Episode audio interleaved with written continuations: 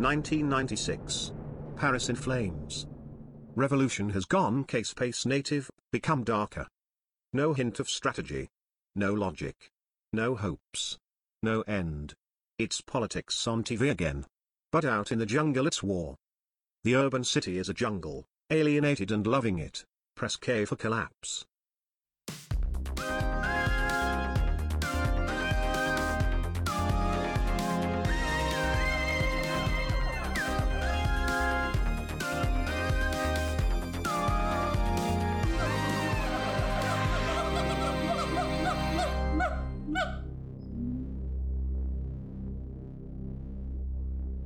Hej och välkomna till ett avsnitt av podden Apans anatomi. När allt mer av det offentliga samtalet söker svar i myter om svunna tider, då är det dags att sätta foten på gaspedalen. Vi tänkte prata idag om en väldigt brokig skara teorier och tankar och idéer, romaner, fan hans moster, som brukar samlas under ett begrepp som är accelerationism. Vi ska försöka gå in på det här, för att för mig i alla fall så har det känts mer och mer intressant och relevant under, liksom, vad ska man säga, senaste åren, senaste året. Hej Mattias! Hej, hej. Du, du, du, du har just haft en studiecirkel, någon slags introcirkel. Ja, jag kör ju ofta det, kombinationen av våra podd, poddavsnitt och passa på att cirkla på dem. Så så ABF får slanta lite för att jag kan läsa in med ämnena till poddarna. Varför blev du peppad på att göra den cirkeln? Eller så här, vad, vad var ingången liksom? För mig är det så mycket som eh, klaffar med accelerationism. Att det är, man får läsa Marx, man får läsa poststrukturalism, man får blicka framåt, eh, kolla på tekniken, på en mängd olika diskussioner och sen så är det mitt i vår tid så att säga. Det här är från 90-talet och framåt att det är man kan verkligen se alla nyliberalismen, vänsterns olika projekt, eh, extremhögerns alla diskussioner finns koncentrerade i den här diskussionen om accelerationism. Här förstår man rätt mycket av samhällsdiskussionen i stort, kan jag tänka mig också. Fast det är liksom en marginell strömning. Mm. Ja, det är ju verkligen en så här fringe-grej på ett sätt. Och det gör det ju lite så här eh, läskigt att, att podda om för att, eh, så här med risk för att det blir lite nördigt liksom. Men jag hoppas att vi kan undvika det. Vi får väl se. Eh, hur, hur ska man börja liksom? Accelerationism, mm. vad, vad är den här strömningen?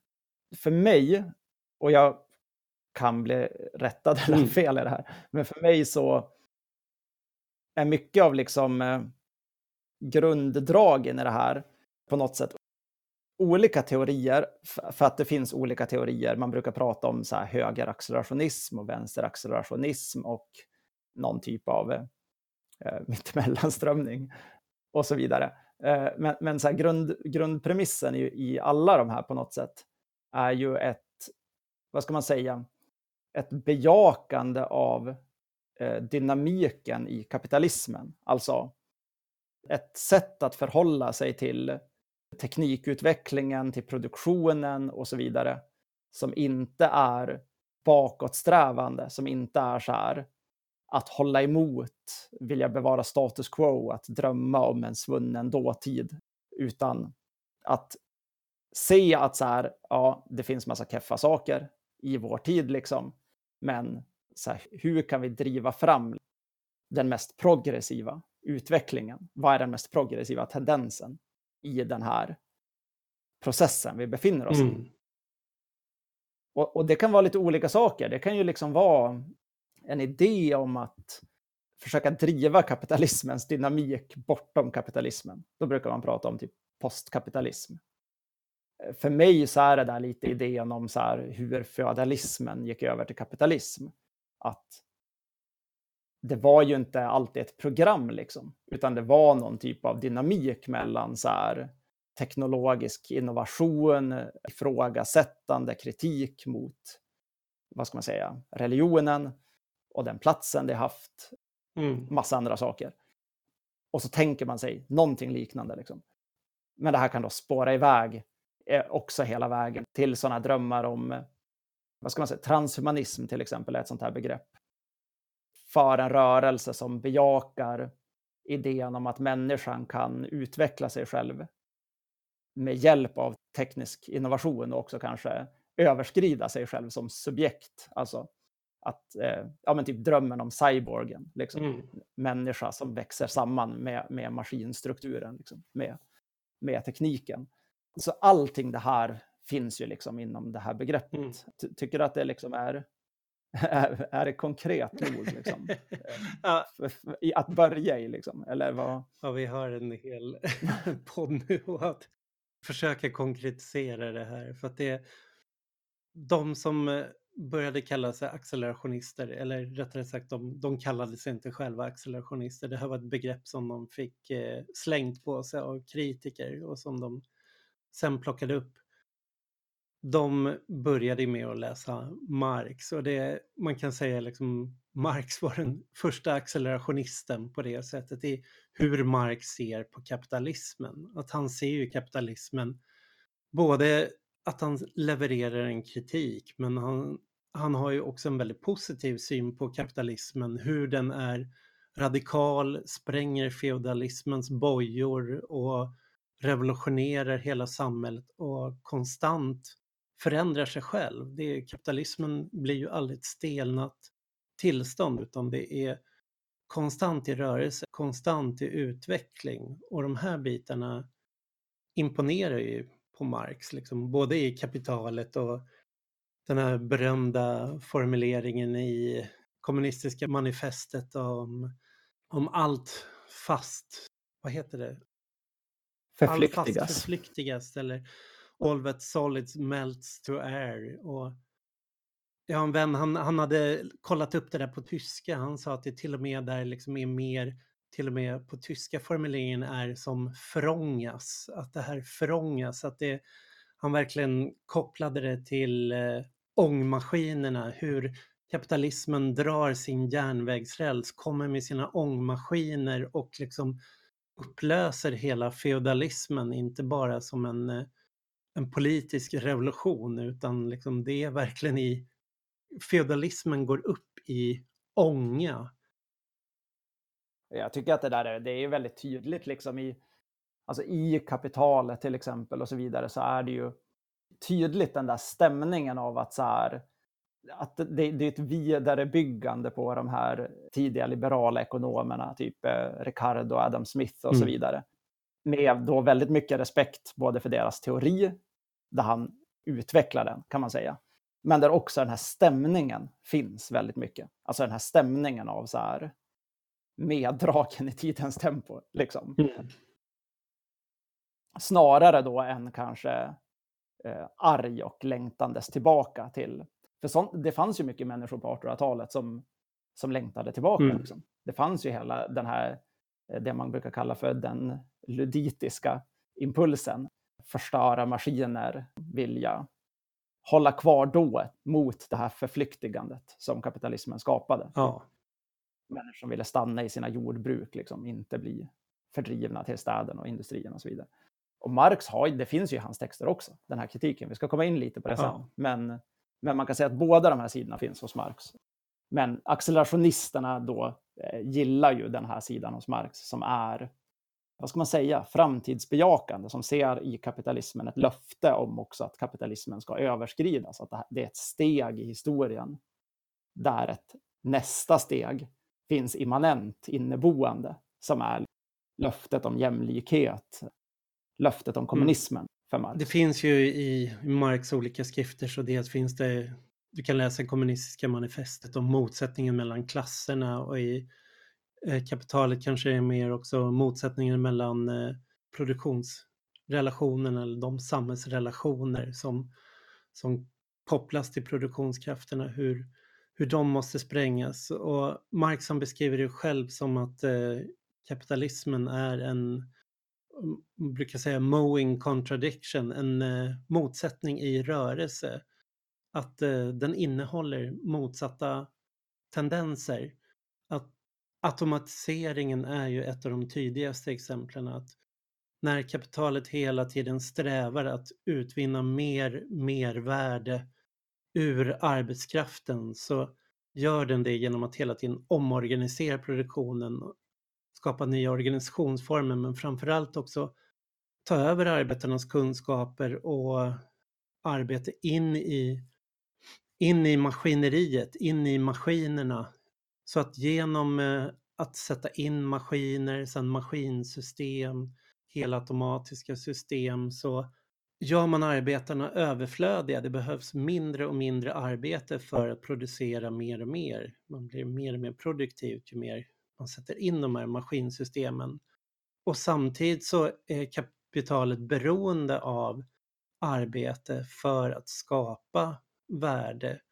Så att all den arbetskraften som frigörs är ju också intressant för kapitalet att återinvestera i och sätta i uppfinna nya former av produktion och få in det i.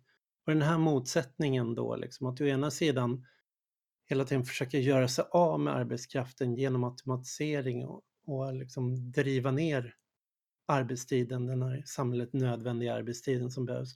Men å andra sidan liksom behöva äta upp liksom arbetet, äta upp det som frigörs liksom i, i ny produktion. Det, det är där Marx ser liksom kapitalismens stora dynamik i den motsättningen och där är jag samma med accelerationisterna. De tittar på den här motsättningen och ser inte liksom eh, hur man kan vrida det här liksom till en kollaps eller liksom eh, konfrontation utan snarare se liksom vad är det som vi kan skruva upp liksom ur det här så att det går bortom, driver sig bortom kapitalismen, skenar iväg från kapitalismen, precis som kapitalismen skenade iväg från feudalismen och liksom löste upp den med sina ånglok och sin ånga. Det är ju ett intressant exempel. Liksom. Jag har, jag har, för mig själv så har jag ägnat ganska mycket tid åt det senaste åren, eller vad man ska säga, åt att just tänka på den, den grejen. Vad ska man säga? Vänsterns typ av revolutionsbegrepp mm. kontra hur den där, hur jag i alla fall upplever det där förloppet liksom från ett ganska typiskt feodalsamhälle till någonting uppenbart annorlunda. Och bor man i Sverige till exempel som vi gör så är ju det i allra högsta grad ett brokigt förlopp, en dynamik. Det är någonting, det går inte att säga så här massa människor organiserade sig och tog till vapen vid ett tillfälle och gjorde en revolution och skrev en ny konstitution. Liksom. Utan så här, det är massa olika saker som liksom samspelar under en ganska lång period. Och det är så här, lite svårt i Sverige att datera. När befinner vi oss överhuvudtaget i kapitalism? Liksom. Men vid någon tidpunkt så gör vi det uppenbarligen. Det, jag, jag blir nyfiken av det förhållningssättet. Liksom. Mm. För då, då, hamnar man plötsligt, när man tänker om framtiden då, så hamnar man kanske i en idé om att okej, okay, men vissa, vissa av de här pusselbitarna kanske finns här.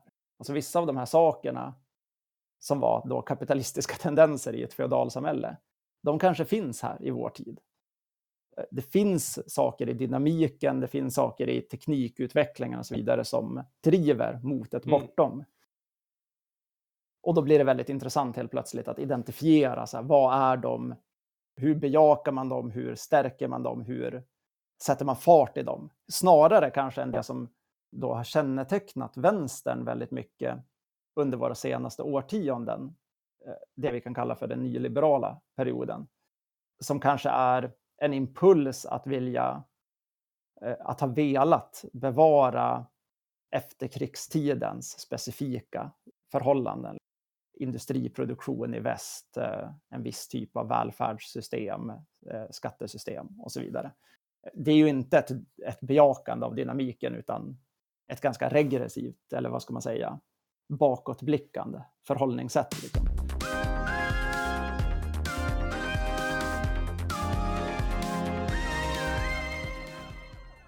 om Marx då kan man säga var en första pusselbit som accelerationisterna tittar på och hitta den här eh, dynamiska liksom, utvecklingen post bortom så att säga. Då, en annan sån strömning de tittar på det är ju hela den som kommer runt 68 i Frankrike som på ett sätt gör upp med delar av marxismen men gör upp med den hegelianska marxismen, dialektiken, framförallt hämtar inspiration ur det som kallas strukturalism och utvecklas till poststrukturalism. Och där har vi ju då Gilles Deleuze och Félix Guattari som, det är väl 68 deras Anti-Oidipus kommer som handlar om, de har väl undertiteln kapitalism och schizofreni och där har vi också med schizofrenin de här eh, motsättningarna i rörelse så att säga. Att de, eh, 72 kom 72. den. att de försöker, men det, den fångar ju väldigt mycket 68s anda. Jo. Den, den frihetliga ådran av, av 68.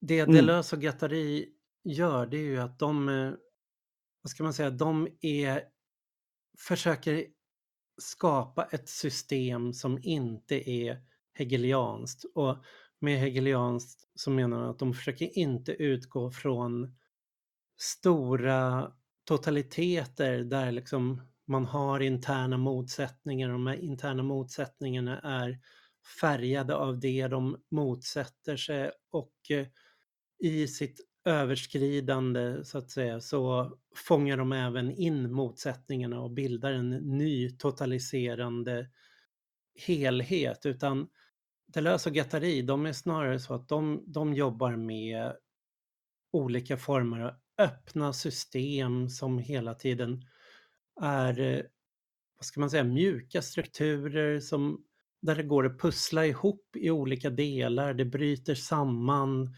eh, det är förändligt, det är nätverksformer, det man brukar kalla rhizom, det är sammansättningar som eh, ja, hela tiden kan ta nya former. Mm, det blir ju ännu ty tydligare i Tusen platåer Mm. som de släpper lite senare, 1980 tror jag den kommer.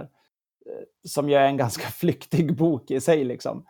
Med en inbyggd tanke om att gå och läsa i inte strikt ordning och så vidare i kapitelindelning.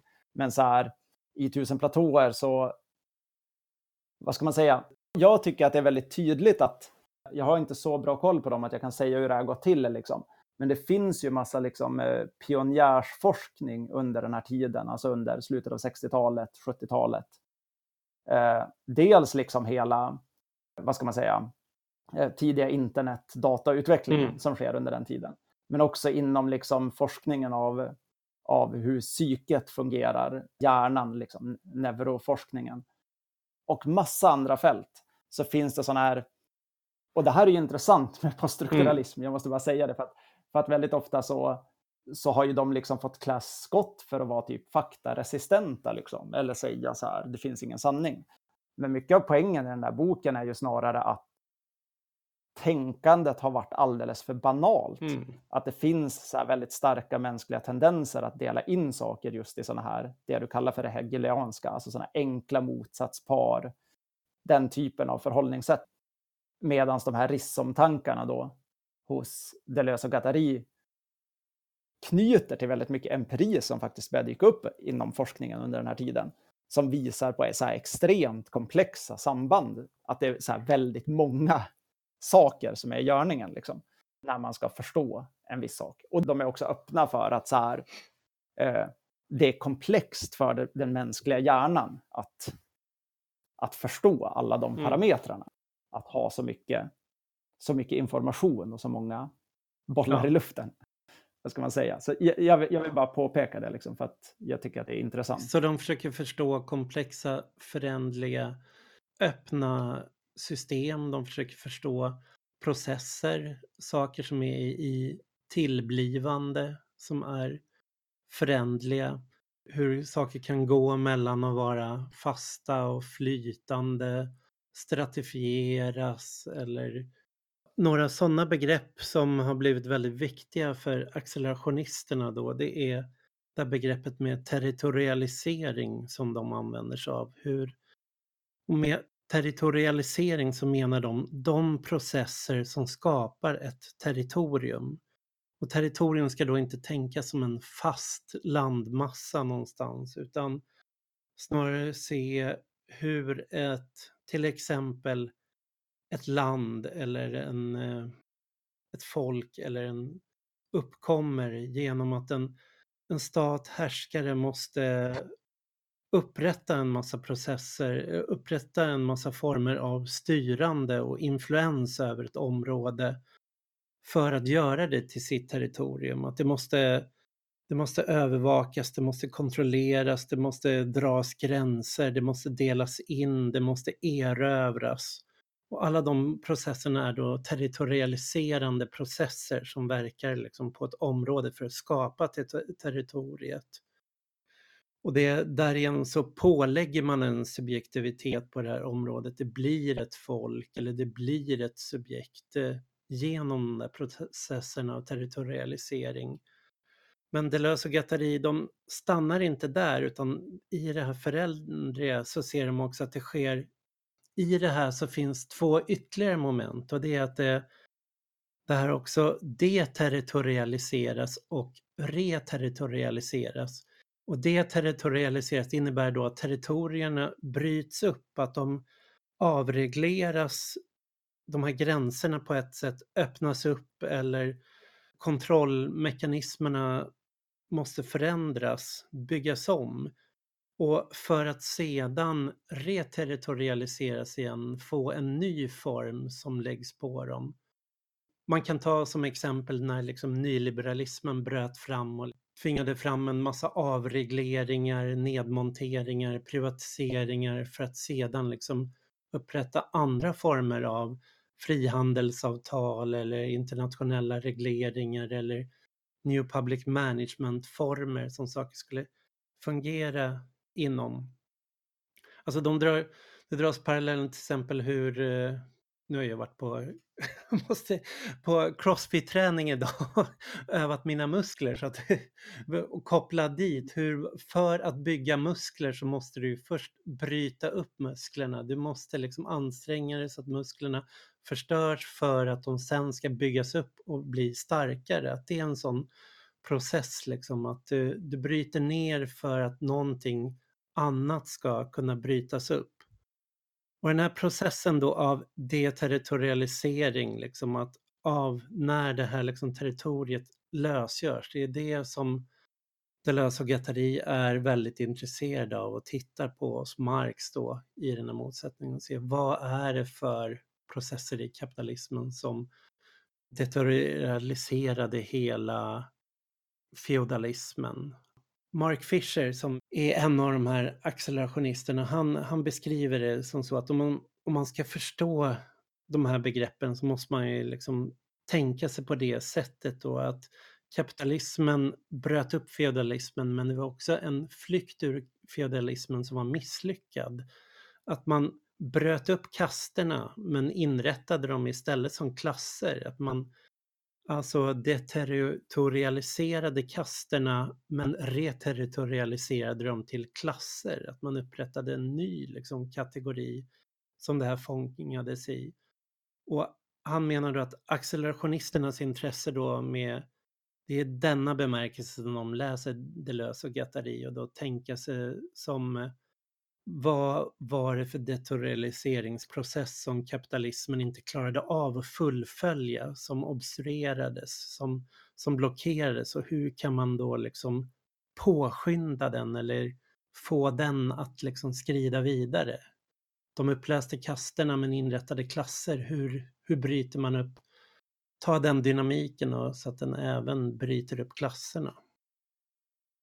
Mm. Men eh, Deleuze och Guattari var ju inte de enda som de intresserade för, sig för accelerationisterna från den här franska poststrukturalistströmningen. Var ju även eh, Jean-François, jag kan inte uttala hans namn. Jean-François Lyotard, ska vi säga så? ja, och, alltså han är ju den som har intresserat mig mest ja. nästan. Alltså, det är verkligen det som har gjort att jag så här har fått eh, eller blivit så här riktigt peppad på, de här teorierna. Och det är lite svårt att kalla det här för teorier för att för det här är inte liksom då en enhetlig skola liksom. Utan det här är något slags samlingsepitet för då idéer som på något sätt har delat vissa grundpremisser liksom, av att så här, söka sig framåt, ja. som vi har sagt. Men han, alltså Lyotard, vem är han? Han är, han är ju också en av de här poststrukturalisterna i Frankrike. Mm. Han var, precis som många, vänsterradikal, var aktiv i massa vänsterorganisationer och så vidare. Socialism och barbari som är en av de kändaste som man kan säga var en en av de frihetliga vänstergrupper som influerade situationisterna och hela Paris 68 och får den här frihetliga andan. Mm. Ja, exakt. Men, men sen skriver ju Lyotard en bok en bit in på 70-talet, 74 mm. tror jag den kommer, som heter Libidinal Economy. Libido, det är ju det är ett så här, och det här är, det finns ju hos Gattari, alltså nu har vi pratat en del om Marx, men hos Gattari och Deleuze så så finns det ju liksom en diskussion som har liksom en marxistisk eh, koppling. Liksom. Och sen finns det ju väldigt mycket kritik mot mm. Freud, mm. psykoanalysen. Det, det, är ju väldigt mycket det man rör sig kring. Liksom. Och det här begreppet libido kommer ju från, eller det kommer väl inte därifrån från början kanske, men det, det var ju väldigt eh, centralt hos Freud. Ett driftsbegrepp liksom. Det är inte så väsentligt här det som är intressant med den här boken, Libertanal Economy, är för mig i alla fall, eller så det jag fastnade på, det är ett kapitel som heter The Desire Named Marx, där Lyotard är ganska så tydlig med att han vill inte skapa en kritik, han är fett less på alla de här dogmatikerna som vill lyckas tolka vad Marx egentligen menade eller vad som var den rätta Marx eller försöker hitta en praktik ur olika typer av läsningar av Marx och så vidare. Det han är inne på, den texten är ganska tokig mm. när man läser den så här, i, i, i klartext. Liksom. Men det är ju typ, det är ju en så här schizopryl liksom. Mm. Att han ser så här att Marx har i sina egna texter, han skiter i, i så här, vem var Marx liksom. Han, han säger bara så här, i Marx texter så finns det olika, olika tendenser över tid. Liksom. Precis som alla andra personer så är han sliten. Liksom. Han diskuterar och agerar efter vissa impulser, efter vissa drifter ibland och efter andra ibland. Som han själv gör också. Och det är väl därför jag känner, det var väl därför det träffade mig, för jag känner igen mig i det här. Och det är här jag tycker att accelerationism börjar bli riktigt intressant. För att han har då ett begreppspar som han kallar för Little Girl Marx och Old Bearded Prosecutor Marx. som, eh, vad ska man säga, om, om man ska förenkla det så kan man säga att det fångar den här, det, det, vi snackade ju lite om den här nyfikna Marx som bejakar kapitalismen som ett förlopp som är en positiv dynamik som på något sätt ska leda till någonting bortom sig själv, liksom, om saker spelar ut sig på rätt sätt. Den här Old Bearded Prosecutor Marx, det är då en, en tendens i väldigt mycket av Marx texter, och, och jag skulle säga själv att båda de här finns i Kapitalet till exempel. Men en tendens där Marx snarare då pratar om kapitalismen som ett det, som en makt, som ett någonting som vad ska man säga, utsätter arbetarklassen för lidande som ska liksom hitta bevisbörda för att kunna peka på att kapitalismen är inkonsekvent eller ondskefull. Säga, aha, titta, kapitalismen är, de har de här parollerna om frihet och jämlikhet och broderskap, men titta, det här är, i verkligheten är det barbari liksom. Jag tycker liksom att det där senare fångar ju väldigt mycket den stämningen som har rådit i vänstern i alla fall de senaste 30-40 åren. Där kapitalismen för mig i alla fall har blivit väldigt mycket ett sånt, ett det. Ett, inte ett förlopp, inte en dynamik, utan så här kapitalisterna, liksom. De där onda jävlarna, liksom, som gör att saker är dåliga, som fjättrar arbetarklassen i kedjor. Är du med på den tolkningen? Ja, liksom, eller? det är väl delvis, men det, det, är väl inte bara så, utan det är väl ändå också det libidinala, man kan väl i stort sett översätta det till begär. Eller det, han, han säger att det här är en systerbok eller broderbok till Antioidipus, till Deleuze och Guattari som han hänvisar väldigt mycket till. Men om Deleuze och Guattari var 68, liksom det här hippiefrihetliga på ett sätt, så, så är hans bok liksom från 74 är ju mer punkens föregångare. Liksom. Den, är, den är fulare, skitigare och elakare och han tar lite tillbaks den boken sen och beskriver det som hans onda bok. Men det han menar liksom med vad, vad har man med liksom libidalen begärs ekonomi? Det är att man inte kan skilja mellan och säga att ja, men det finns de här rena samhällena, urkommunismen eller naturfolken som lever efter en lever utifrån sina begär, behov och delar och sen så har vi kapitalismen som är det är en politisk ekonomi, den är påförd, det har inte med begär och behov att göra utan det här är liksom någonting annat. Eh. Det du menar med, eller det du säger liksom att det här är någonting det som kommer utifrån, det är väl att säga att det, det är inte begärsdrivet eller det är inte kopplat till begär på det sättet. Men, och då menar Lyotard, liksom, han bara hånar hela den här marxistiska traditionen då och säger att ja, men, det går inte att tänka sig det här rena urtillståndet. Liksom. Det har aldrig funnits. Liksom, att de här ursamhällena har också varit politiska ekonomier och vice versa. Liksom. Den politiska ekonomin är en begärsekonomi. Att det går inte att se, det går inte att tänka bort begäret från liksom, nationalekonomin, från ekonomin, från kritiken av ekonomin och begäret är inte heller bara någon god, ren, ursprunglig, essentiell kraft utan begäret är någonting också som finns i kapitalismen, det driver kapitalismen och liksom den arbetarklassen på ett sätt också de går inte och sliter varje dag liksom bara för att de tycker det är skit och liksom vill att kapitalismen ska falla utan de gör det av en egen drift, av egna behov, av egna begär. Liksom.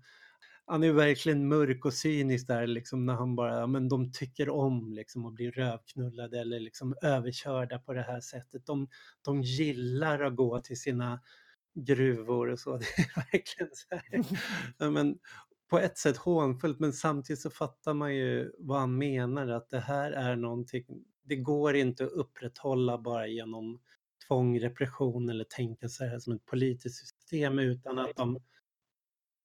Nej, jag tänkte man kan ju säga att det är hånfullt. Liksom. Det finns ju också någon slags känsla av så här klarspråk i vänstern-stämning i den här boken. Han säger ju redan i början av det här kapitlet att så här, jag förstår att jag kommer att bli totalt jävla fuckad av alla så här gatekeepers, alla så här marxistiska gatekeepers mm. som har den här idén om att Marx är så här och världen funkar så här. Och de kommer bli fett förbannade över det här sättet att prata.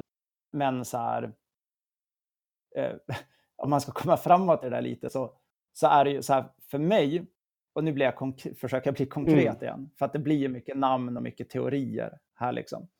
Men för mig är det som är så träffande med det där, är att jag själv känner så ofta att jag liksom hamnar i den där positionen. Att så här, det finns hela det här liksom nyfikenheten, begäret, intresset av att här, få se hur saker spelar ut sig dynamiskt. Men väldigt ofta så, så skriver man kanske texter eller hamnar i, i kritik som på ett så väldigt bekvämt sätt då vill reducera bort mm. allt det här. Och bara hitta den här, så här kommunen är dum, den här kapitalisten är dum. Liksom. De upprättar bara kontroll. Skulle inte folk vara kontrollerade så skulle allting bli bra. Alltså den där typen av, nu gör jag det jättedumt, liksom. men så här, jag känner ändå igen mig i den inställningen. Jag känner igen vänstern i den inställningen. Och jag tycker att det som blir intressant är så här, vad det öppnar upp i ens huvud. Att så här, försöka stå emot den impulsen Kanske genom då sådana här, att någon är jävligt dryg och säger saker på ett väldigt mörkt sätt. Mm. Så kan man komma till positionen där man känner så här, okej, okay, men vad är det bästa som skulle kunna hända? Liksom, vad är, så här, skulle jag och vi spela vår roll i att liksom driva dynamiken framåt. Vad skulle kunna utspela sig då? Liksom? Mm. Istället för bara så här, hur hindrar vi det här från att hända? Hur skapar vi en debatt Mm. där vi är moraliskt indignerade över att någon jävla politiker har tagit något dumt beslut Mm. eh, eller rullar tillbaka rättigheter. Typ. Ja, tidningen Subaltern har ju just faktiskt översatt de här passagen till svenska, så de har just kommit på svenska. Så värt att läsa. Mm.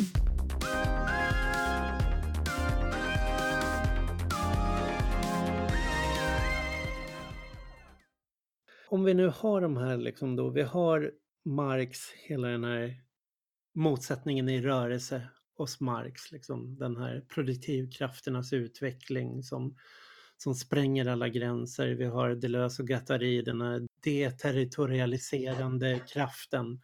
Och vi har den här libidinala ekonomin, begärsekonomin hos eh, Lyotard. Vad är det då accelerationisterna gör av allting?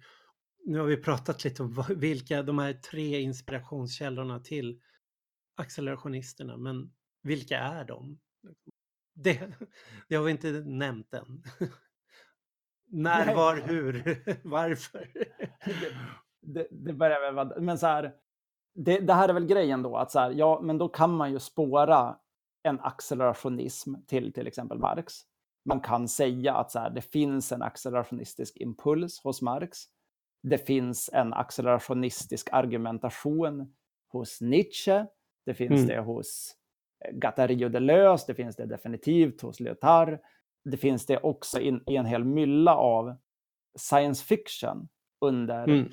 framförallt efterkrigsdecennierna. Alltså, det finns ett stort utrymme inom populärkulturen där massa människor ägnar sin energi åt att beskriva framtider utifrån den här typen av dynamiskt tankesätt. Och det här måste vi nämna lite för att vad är det? Ja, men för mig så har bra science fiction alltid varit någon som på något sätt i sin tid lyckas göra en ganska träffande analys av det här som du var inne på när du pratade om Deleuze och gatteri. Alltså, vad är i blivande? Så här, om jag tar de här tendenserna som ser ut att vara på väg att springa iväg och accelerera dem, förstärker dem, Mm. liksom, projicerar en framtid utifrån dem. Hur, hur ser den framtiden ut? Liksom? Så är ju mycket bra Mm. science fiction. Och det är ju väldigt relevant för dem vi då sen kommer att kalla för accelerationister och hur begreppet också uppkommer är ju att, att det finns hela det här experimenterandet inom då science fiction-litteraturen i att resonera och förstå och tänka på det sättet. Mm. Liksom. Men de vi kallar kanske först för accelerationister, det är ett gäng som kallas för CCRU, Cybernetic Culture Research Unit.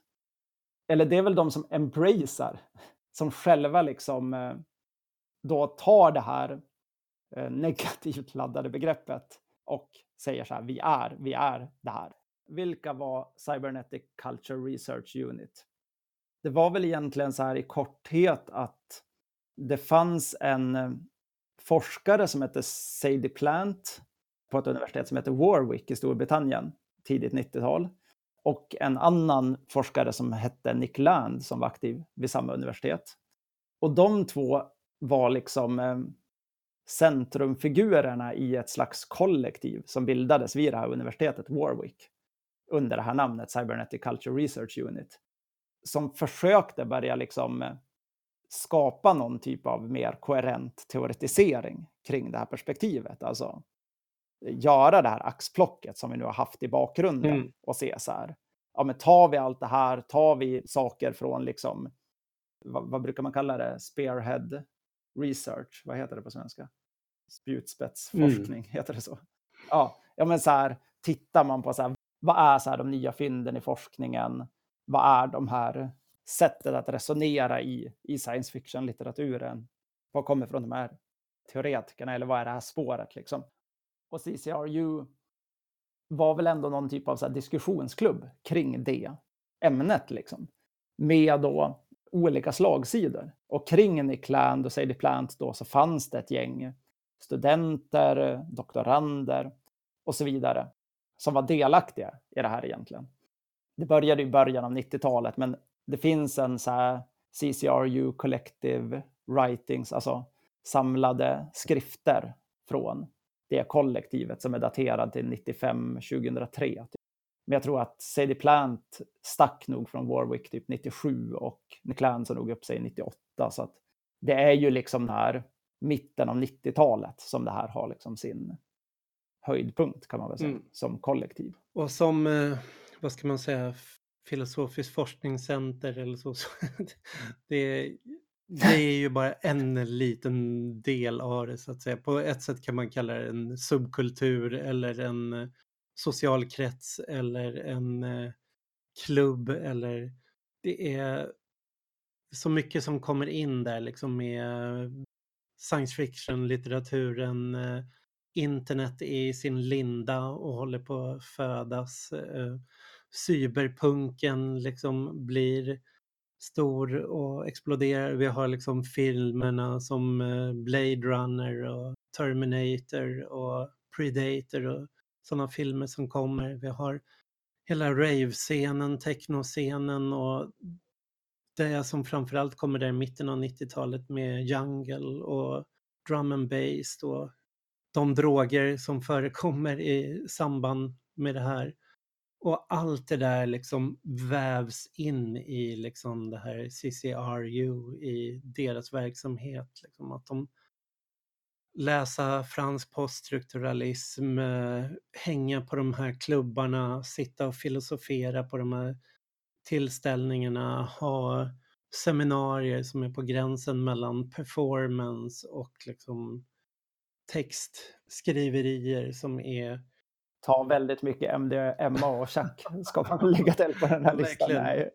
Vilket gör att liksom hälften av dem i stort sett smäller ju liksom. De går in i väggen eller liksom eh, bryter ihop eller medan de också är högproduktiva och skapar en väldigt så här, kollektiv gemensam kunskap i det här. Liksom, lekfull mm. förhållningssätt mm. till, till teorin. Ett mm. intressant begrepp, eh, idag pratar vi om memer, så här, som eh, Richard Dawkins var väl med och tog fram det här, men de använde ett liknande begrepp som memer där de pratar om man tar ordet hyper och superstition och för ihop det till hyperstition. Så det använder de som ett sätt att beskriva hur idéer får spridning i kulturens arena. Hur planteras idéer in i, i kultur? Och det innebär att de planterade sina filosofiska forskning och sin, sin och filosofiska teoretiska diskussion genom, genom kultur, genom att använda sig, rama in den science fiction genom att rama in den i liksom rants och dikter och eh, liksom tonsatt till jungle och skivbolagsetiketter så att det man använder sig inte bara av liksom skriva avhandlingar på det sättet. Man kan säga i stort sett att filmen Matrix som kom 99, den har ju bara rippat allting därifrån. Liksom i, rakt av från de här mm. CCRU, hur de såg på allting. Att de, de har ju skapat en så här metaberättelse om sin accelerationistideologi som är Alltså den är ju helt superflummig, underbar på sätt och vis liksom. Men, men det är ju, man får se den som ett så här, just som det här sättet, ett eh, redskap att skapa en myt för att plantera in en diskussion där diskussionen är seriös men den här eh, sättet att plantera in den är ju sätt bara att få den spridd i kulturen. Och det är ju att mm. de tänker sig att det, det finns en realiserad framtid. Det finns en eh, framtid som försöker ta kontakt och hacka vår nutid och plantera in saker i vår nutid, resa tillbaks i tiden för att sen göra sig själv möjlig. Och genom dem, det är liksom som eh, Terminator eller alla sådana filmer, man reser tillbaks i tiden för att liksom skapa sig själv eller liksom ta död på, på det som ska ske. Och Ja, nej, men då, då, innebär det ett sätt för dem att se att ja, men det finns det här framtida realiserade. Vad kan vi se för för frön idag som är det planterade som leder fram till det här. Och oavsett om det är jungle-musiken eller de början på internet eller liksom viss form av liksom cyberforskning eller eh, cyberpunklitteraturen liksom. Gibsons Neuromancer som en, var liksom som en bibel för dem.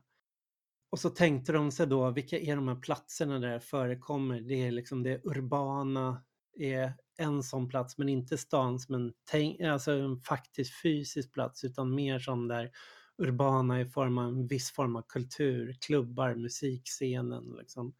Uh, jungle-musiken. Mm. Och sen så använder de det här begreppet med jungle då, djungeln. Liksom det här att uh, djungeln in, som uh, den stora okontrollerade vildmarken där de här framtids science fiction-gerillan kommer och slår till ur och bedriver sitt gerillakrig utifrån den djungeln och försvinner in igen. Och den här djungeln är, alltså man kan tänka Predator-filmerna, första Predator, då är det ju liksom soldater som är ute och slåss mot den här eh, övermäktiga alien i kamouflagedräkter som bara kommer i djungeln, slår till, tar soldaten innan de hinner reagera, bara jagar dem för rent nöje och försvinner. Och sen i andra filmen då har den här djungeln förflyttats in i, i storstan. Är det Los Angeles eller var den utspelar sig andra filmen? Mm. Det är liksom storstadsdjungeln som Predatorn jagar i. Liksom. Och där den här liksom cyberaktivismen fungerar på, på samma sätt. Liksom. Att göra den här cyberurbana cybermusikkulturen liksom, som, ett, eh, som en djungel för det här gerillakriget att föras med, plantera in de här eh, idéerna i kulturen som ska göra den här accelererade framtiden möjlig. Mm.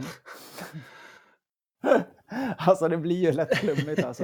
Men, men, men, men så här, det här, CCRU är ju liksom en avantgarde-tendens mm. i, i, i det här.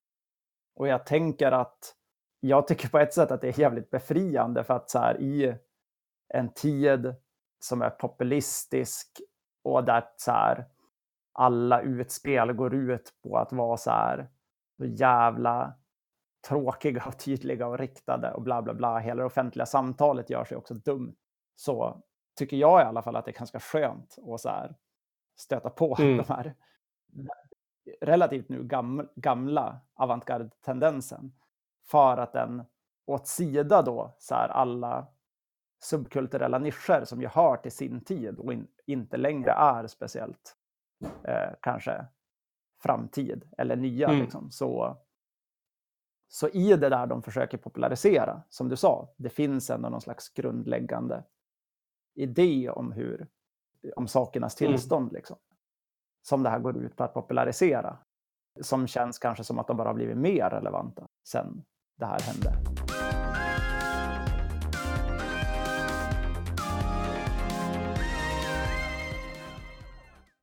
Det här är ju liksom mitt i nyliberalismen. Muren har fallit. EU eh, e håller på att inrättas. Eh, det är vänstern är i sin svagaste punkt. Liksom. Det, det, är inte konstigt att de här vänsterföreställningarna om liksom, kamp, motstånd, antagonism är svaga just då. Liksom. Vänstern är liksom nej, nej. i stort sett utraderade, står på knäna, utan istället det som är kvar är någonstans en form av teori, akademiker, kulturarbetare, konstnärs, avantgarde som försöker hitta liksom istället för att göra motstånd så vad finns det liksom likt judo man kan liksom dra vidare och använda kraften i det som sker. Vad finns det liksom? Vi har internet håller på att växa fram, liksom. vi har en ökad möjlighet att resa, röra oss, få kontakter. Liksom. Vad, vad är det i allt det här liksom som som kapitalismen, hela nyliberalismen håller på att skapa som faktiskt innebär nya möjligheter att liksom hitta någonting i. Jag tror liksom man måste förstå eller se hela det där lekfulla kulturen just att det är, de, de är i, alltså de är ju väldigt så här insurrektionella i de här tidiga teserna, även Nick Land liksom som sen blir eh, reaktionär. Liksom. Och Sadie Plant har skrivit fantastiska böcker om situationisterna. Hon har ju liksom hämtat inspiration om situationisten, punken, liksom, hela den grejen. Och jag känner själv, liksom, jag har suttit i sådana grupperingar när man har varit så här, vänsterns sammanbrottssituationer. Man samlar ett folk och börjar bara bygga en gemensam, man vet inte ens om det är seriöst, där man leker med teori och gör det till en slags laboratorium där det är jag kommer ihåg i början av eh, 2000-talet så startade vi något som hette Stockholms autonoma marxister där vi liksom varje söndag tog över Café 44 och började liksom ha DJ som kom in och körde Electroclash. Vi började göra det som sen blev memer, göra liksom skämtsidor som 44.com och vi körde en jädra massa studiecirklar. Vi läste Empire och Negri och vi byggde liksom våra egna nätforum och irrkanaler och ur det växte liksom Planka fram, Piratbyrån fram, Pirate Bay kom ur det där, Kvinnopolitiskt forum, en mängd sådana att det, det hann bara liksom finnas två år för att det var liksom så kort, intensivt, lekfullt. Men ur det där lekfulla laboratoriet där som alla andra inom vänstern tyckte vi kvaddade både marxismen och anarkismen genom att agera på det här sättet. Men de idéerna som fröna som lades där liksom blev ju, kom att få effekter under 10-15 år därefter inom liksom svensk utomparlamentarisk vänster. Och jag mm. ser lite som en så här systertendens i det här liksom att läsa om CCRU och jag tänker även, jag kan bli lite avundsjuk ibland när man läser om så här det som sker kring alt-right, 4chan, hela den kultur som har kommit där och de hämtar ju också nu inspiration från accelerationismen men de verkar ha så här, samma livaktiga liksom leklaboratorium kring teori där de bara spottar ur sig nya begrepp, idéer, memer, sätt att tänka och vissa saker lyfter och andra saker faller platt och vissa saker är helt inavlat och man förstår sig inte på det och sen plötsligt så har alla, liksom till och med hela högern och delar av vänstern tagit de där begreppen i, sitt, i sin mun och sitter och liksom pratar om mm. kax och ditt och datt. som har kommit eh, ur de där kretsarna. Man bara, med med magi, vad pratar ni om? Religionen keck, vad är det här liksom för bara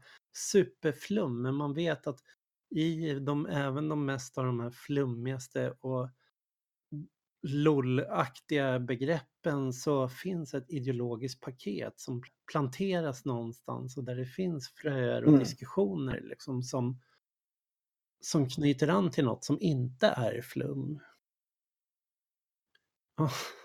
Ja, och det är väl också så att när du nämner de här, för man kan ju säga att alltså väldigt mycket eh, texter som vi kanske har kategoriserat som, eller som andra kategoriserar som accelerationism, har ju en stark kritik mot även autonom marxism för att vara för marxistisk, för att vara fast i ett visst typ av tänkande kring aktörer, hur mm. aktörer kommer till och vilket handlingsutrymme de har och att vara traditionellt marxistiska ändå. Men det jag tycker är intressant med exemplet du tar upp med så här, hur ni eh, skapade eh, ett laboratorium, en lekstuga liksom, som planka och sånt, eh, Pirate Bay, kommer ur. Det är ju att det där är ju lite så samma grej som med de där science fiction-författarna. Liksom. Att så här, det är ett rum där man kanske tänker liksom mer framåt i tiden än agerar utifrån så här, vad som framstår som vettigt nu, eller i värsta fall, vilket ju vänstern gör väldigt mycket, tror sig befinna sig i en situation som är jämförelsebar med någonting väldigt långt bak. Som man säger så här, vi har haft en oreglerad kapitalism och sen har vi reglerat den och nu har vi hamnat i en avregleringsperiod. Så nu är vi tillbaks i ett tillstånd som är typ 1920-talet eller 1910-talet eller mm. 1850-talet eller någonting igen. Och så tittar man på de organisationerna och liksom fetischerar att vänstern ska så här, göra samma typ av organisering som fanns då. Mm. Liksom. Man tar inspirationen där. Vilket är ett helt annat tankesätt då än det här science fiction. Så här, vad är de här små pikanta detaljerna i samtiden som skulle kunna liksom blomma ut? Vilket jag tänker är så här, det ni kanske såg lite i det där sammanhanget mm. och som jag också tycker är roligt. För mig är det, här kommer vi till det här begärsbegreppet igen hos Lyotard och så, men att på något sätt eh, syssla med saker utifrån att man är ja, nyfiken, bejakar vad, vad som skulle kunna hända, ser små frön och försöker få dem att blomma ut, leker mm. typ. Att det är ett jävligt intressant perspektiv. Och att det också när man gör det lite tråkigare, gör det till politik, kanske är mer gångbart. För att det tar tid att organisera, att göra saker, att lobba, vad fan man nu väljer för modeller. Liksom. Mm. Det tar tid. Och då är det bättre att ha en idé om att agera mot en idé om vart vi kommer vara 15 år från mm. än att agera gentemot en dåtid eller ett nu ens. Liksom. Så där, där är ju mycket av min liksom, mer krassa politiska inspiration i det här, är ju så här, den impulsen. Här, var nyfiken, lek, försök tänka vars rör sig saker framåt. Vad är det bästa vi skulle kunna göra i den dynamiken som ser ut att finnas i spel just nu? Om vi tänker oss, det här ser ut att vara sakerna som är på G vad är den mest progressiva tendensen som vi kan underblåsa i det? Istället för att bara säga så här, stopp, nu, nu vill vi stanna här i Göran Persson Sverige. Vilket ju var väldigt, väldigt mycket resten av vänstern då, under tiden mm. du benämnde. Liksom. Alltså de här åren på 90-talet var ju verkligen ideologiskt död. Det fanns ingen intressant vänsterteori att läsa. Det fanns ingenting riktigt som det började ske liksom zapatisternas uppror 94 och sen så kom det några skrifter i slutet av 1900-talet, äh, 90-talet. Men det var ju verkligen ökenår de här åren som de här ändå satt och var verksamma. Och det, det kan ju verka konstigt liksom. Varför pratar man om en eh, liten grupp liksom i Warwicks universitet liksom i England under några korta år, 90-talet under liksom nyliberalismens storhetsperiod och eh, internets födelse. Men det är just att de här, även om det här gänget sen imploderade, liksom, Nick Land blev... Han stack till Kina. Eller Hongkong. Ja, han, han kollapsade liksom psykiskt, stack, stack till Kina liksom. Och Sadie Plant fortsatte sin karriär. Andra ur den här kretsen som Mark Fisher började liksom en bana som bloggare och dök upp i mer vänsteraktivistmiljöer efter det där. Skrev en väldigt bra bok som heter Kapitalistisk realism. Liksom. Men de här idéerna har liksom de eh, senaste tio åren blommat upp igen. Och de har blommat upp igen på en rad olika sammanhang. Allt från nyliberala till fascistiska till feministiska till eh, vänsterdiskussioner och kommit att eh, ja, hamna, fröna har liksom hamnat i ny jord. Och där slagit rot och liksom börjat skjuta upp skott. Och fast det framstår som väldigt olika, alltså olika politiska miljöer så finns det fortfarande någonstans en diskussion, dialog mellan dem. Om att de sitter och läser varandras texter, refererar till varandra. Och därför blir det väldigt intressant att följa den där banan sen för att förstå hur althögern, neoreaktionen och liksom den här ideologiska nyfascistiska strömningen som har kommit nu. Vad de hämtar vissa diskussioner från och även den formen av nyliberalism liksom och eh, libertarianism och entreprenörskultur kring Silicon Valley. Det som ibland kallas för Californian ideology med alla de här liksom Silicon Valley-ideologerna och vad Elon Musk och sådana liksom, upstart-entreprenörer liksom hämtar sitt ifrån. Det, även där sipprar de här idéerna in och blivit betydelsefulla.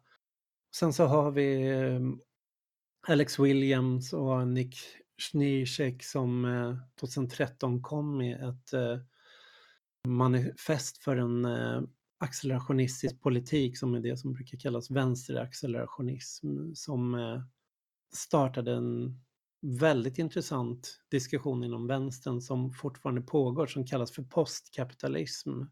Där man inte diskuterar det som en antikapitalism, men liksom en hegeliansk motreaktion, kamp, utan snarare liksom vad är det för tendenser vi kan driva bortom kapitalismen.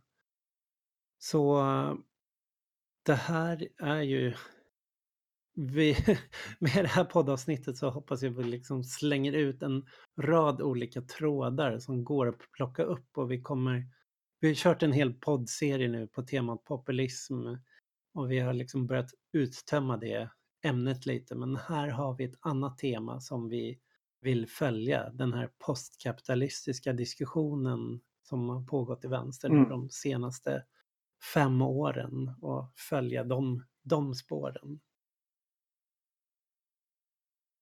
Mm. Det känns uh, som att det kommer att bli jävligt kul ja. att göra. På den, uh, för att så här, om det här är då flummigt och, och lite så här kasta ut trådar så finns det väldigt många sätt att med den här utgångspunkten på något sätt bejaka eller driva kapitalismens dynamik i den mest progressiva riktningen och så vidare. Så finns det sätt att behandla, tycker jag, eller att diskutera både politisk strategi och forskning och så vidare på mycket mer konkreta mm. plan. Liksom. Men det kändes, eller jag tycker att det har känts, det, det är både kul, jag är väldigt nyfiken på det här, men det känns också så här vettigt att, mm. att göra de här grundkasten på något sätt och nämna eh, Marx, Deleuze, Guattari, Lyotard, CCRU som kanske stommar. Mm. Liksom. Mm. Nu har vi inte pratat så mycket om science fiction. Du nämnde lite filmer, tack. Men vi har inte pratat så mycket om science fiction-författarna kanske vi också får göra längre fram. Liksom. Men eh, jag vet inte om vi ska lämna ämnet där för ikväll. Och så... Ja, nej, vi har, vi har mycket som vi, vi kommer komma till. Och det, det är spännande ju också att det här är ju så långt från populismen man bara kan komma. Det som vi har pratat om i andra avsnitt. Att populismen har försökt skapa ett subjekt, bli en majoritet, hur samlar man så många som möjligt? Så är det här en, också en framåtriktad vänsterdiskussion men som tar en helt annan utgångspunkt och kanske hamnar också någon helt annanstans. Det spåret ska mm. vi nysta upp. Vi kommer tillbaka till framtiden. Mm. Så tackar vi för mm. ikväll. Tack så mycket. Tack för att ni lyssnade. Hej.